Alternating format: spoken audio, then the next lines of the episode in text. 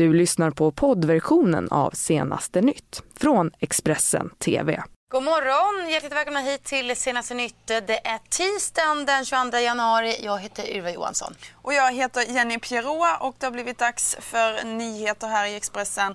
Det här är morgonens rubriker. Palmes gamla rådgivare och en kritiserad comeback. Här är de sex nya ministrarna i Löfvens regering. Många världsledare nobbar toppmötet i schweiziska Davos. Och Jerringpriset till skidskytten Hanna Öberg efter guldet i OS i Pyeongchang. Mm, vi ska börja med att eh, berätta att en internationellt efterlyst kvinna greps vid en kontroll utanför Växjö under gårdagskvällen. Ja, polisen uppger eh, för Smålandsposten att de fick upp spår på en bil som de sedan följde efter och ur bilen hoppade tre personer som sprang till skogs. En stor sökinsats inleddes och polisen hittade så småningom personerna. Två av dem sitter nu alltså gripna. En av dem ska vara då en internationellt efterlyst kvinna och de misstänkta kommer att transporteras till Norge enligt Smålandsposten. Politik nu. Ja, mm. för igår så presenterade ju Stefan Löfven sin nya regering och precis som förra gången så består den av 22 statsråd och 6 av ministerposterna gick till nya politiker. Bland namnen på listan så hittar vi bland annat Palmes gamla rådgivare Hans Dahlgren och en politisk comeback för Anders Ygeman. 134 dagar efter valet var det så äntligen dags för Stefan Löfven att presentera sin nya regering. Och av 22 ministrar var sex nya. Hans Dahlgren ersätter Ann Linde som EU-minister. Sen har vi en EU-valrörelse, val i maj och en intressant valrörelse dessförinnan. Så det blir att göra. 1975 blev Hans Dahlgren personlig medarbetare till utrikesminister Sven Andersson. Efter det har han bland annat varit ambassadör och utrikespolitisk rådgivare åt fyra statsministrar. Matilda Ernkrans ersätter Helene Hallmar Knutsson som minister för högre utbildning och forskning. Det känns naturligtvis utmanande men jättespännande och mycket roligt. Ernkrans blev styrelseledamot för SSU Hallsberg 1991 och invald i riksdagen 2002. Jenny Nilsson ersätter Sven-Erik Bucht som landsbygdsminister.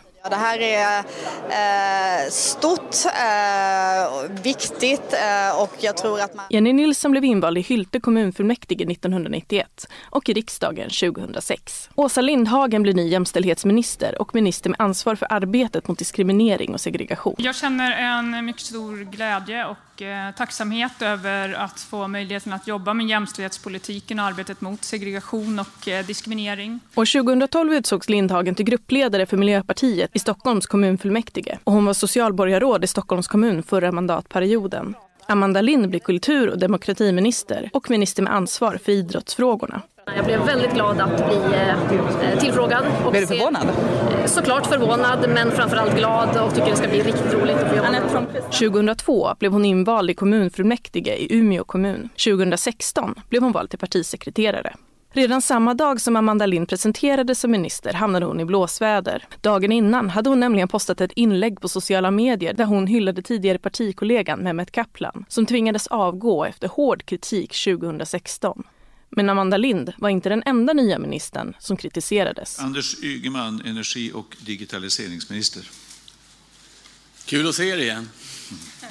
Anders Ygeman gör comeback i rollen som energi och digitaliseringsminister. Ygeman gjorde sin debut i riksdagen 1995 och blev inrikesminister 2014. Han stod som ansvarig under IT-skandalen på Transportstyrelsen 2017 och valde att avgå i samband med att det uppdagades. Ja, comeback alltså för Anders Ygeman. Men en eh, som också har ett nytt namn då alltså i regeringen är den kvinnan eh, som heter Jenny Nilsson. Hon tar nu plats som landsbygdsminister och hoppas kunna få hela landet att leva. Jag har ju fått, eh, enligt min mening, en, ett av de absolut viktigaste politikområdena. För att Sverige ska fortsätta vara ett land som ligger i framkant så krävs det att vi tar tillvara på utvecklingspotentialen i hela Sverige. Det förutsätter att människor kan bo, arbeta, driva företag i hela landet. Men det förutsätter också en aktiv politik. Trots det så hade vi länge en situation i Sverige där de här frågorna hade en alltför låg prioritet. Den utvecklingen bröts under förra mandatperioden. Dels genom en rad aktiva politiska beslut där man kan nämna livsmedelsstrategin som kanske ett av de tydligaste exemplen.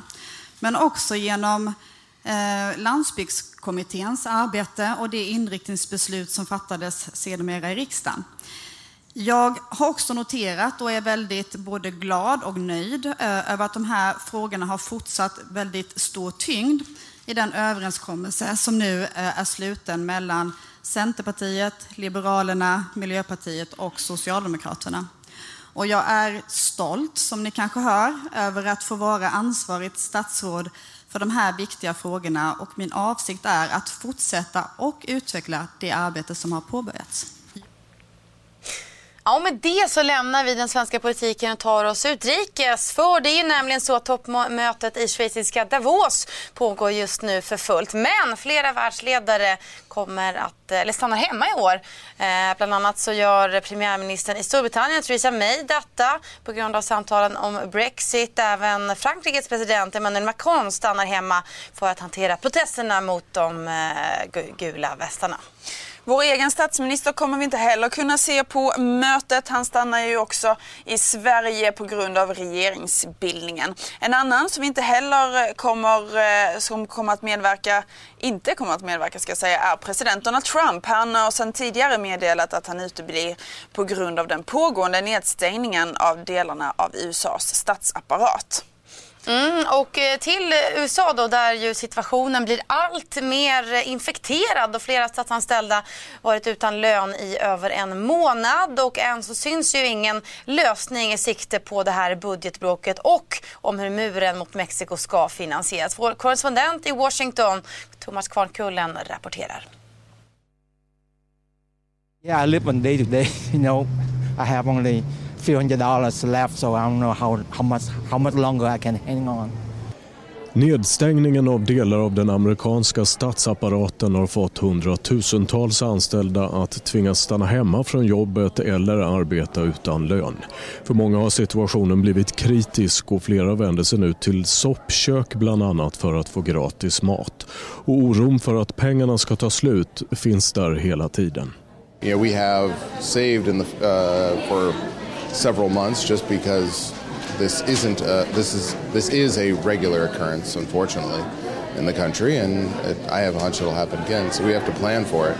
But it's not fun to dip into that because something else could happen Ja, konflikten om muren mot Mexiko mellan president Donald Trump och Demokraterna fortsätter. Och även om inget tyder på att en lösning skulle vara nära hoppas många av de statsanställda att de snart ska få sina löner utbetalda igen. Hopefully uh, open up so I can uh, pay my mortgage. So can you imagine you can pay mortgage and you can feed your family pretty bad. Mm, kriget om gränspolitiken fortsätter alltså mellan Republikanerna och Demokraterna. Och även Trump försöker ju då ändå komma till en kompromiss en del om migrationen. Men han kräver ju fortsatt runt motsvarande 50 miljarder kronor för att finansiera den här muren. Great day. It's a beautiful day. President Trump marking Martin Luther King Day with a two minute visit to the Civil Rights Leaders Memorial in Washington as Democrats take aim at the president's latest proposal to end the government shutdown. It's a non starter uh, because he's not addressing real border security. Now he's really offering to go back and solve the problem that he had already created. Trump's plan linking government funding to 5.7 billion in border security and wall funding, plus 3 years of temporary protections for dreamers and other immigrants. That is our plan. Border security, DACA, TPS, and many other things. Straightforward, fair, reasonable, and common sense with lots of compromise. His proposal now heading for a vote in the Senate that few think will pass. The vote this week in the Senate is not to pass the bill, it is to open up and say, can we debate this? Can we amend it? Can we make changes? Especially since no Democrats have said they would support it. If this is a genuine attempt, why weren't any Democrats included in the consultations for this? Well, uh, Margaret, we, have been talking to Democrats. Who? Over the last four weeks. Um, well, first, the president's met repeatedly with Democrat leadership.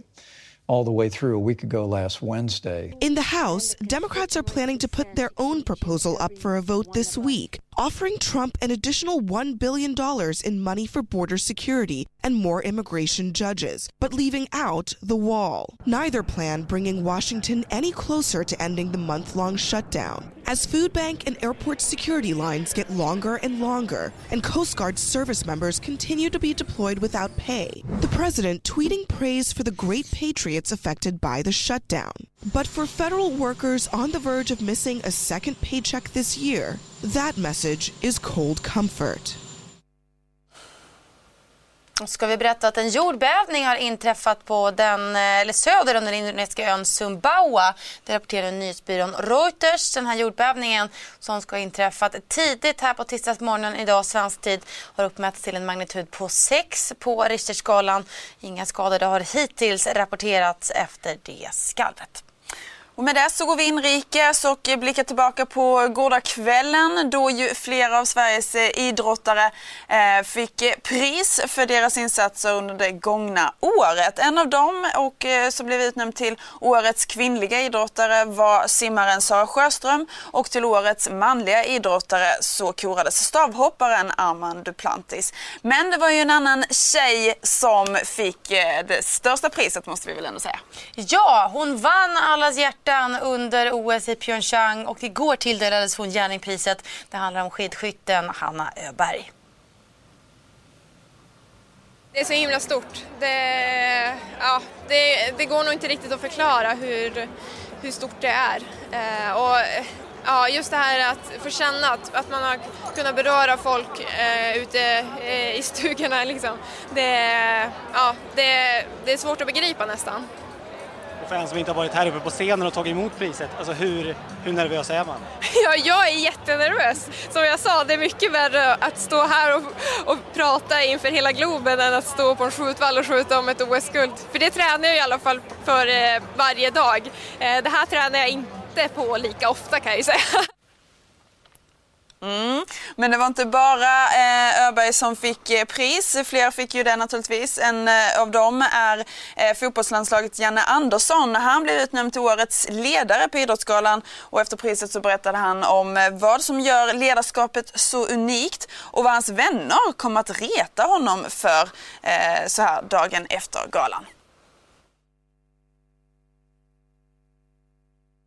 Det är ju så att eh, som ytterst ansvarig för resultatet så är det klart att jag får ta när det går dåligt och jag får stå längst fram när det går bra. Eh, det hör till på något sätt men jag är också väldigt noga med att dela med mig av de framgångarna vi har och samtidigt som när det tar emot då är det mitt jobb att ta det. Så att för mig är det ganska naturligt. Jag har också mitt tal här där jag beskrev väldigt tydligt liksom mina kollegor och medarbetare som är fantastiskt duktiga. Så jag har ju, tycker i grunden att individuella pris är någonting som inte är hemma i lagsammanhang. Men jag får leva med det och det, det är väl kul att få det. Absolut, jätteroligt.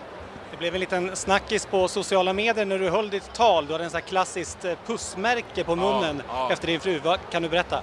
Nej, jag kan inte berätta mer att Ulrika, min fru, gav mig en, en, kraftig puss måste det ha varit. Så att jag förstod det när jag kom ner att det syntes väldigt tydligt. Men det var bra i så fall. Det var roligt att hon gav mig den innan.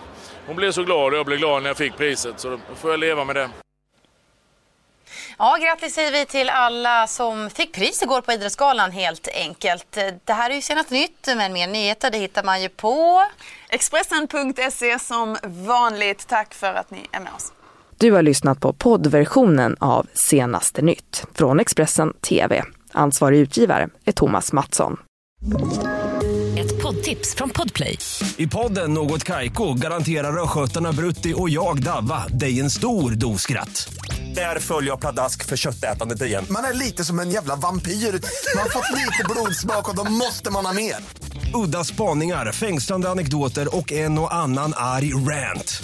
Jag måste ha mitt kaffe på morgonen för annars är jag ingen trevlig människa. Då är du ingen trevlig människa, punkt. Något kajko, hör du på podplay. Därför är gardinerna.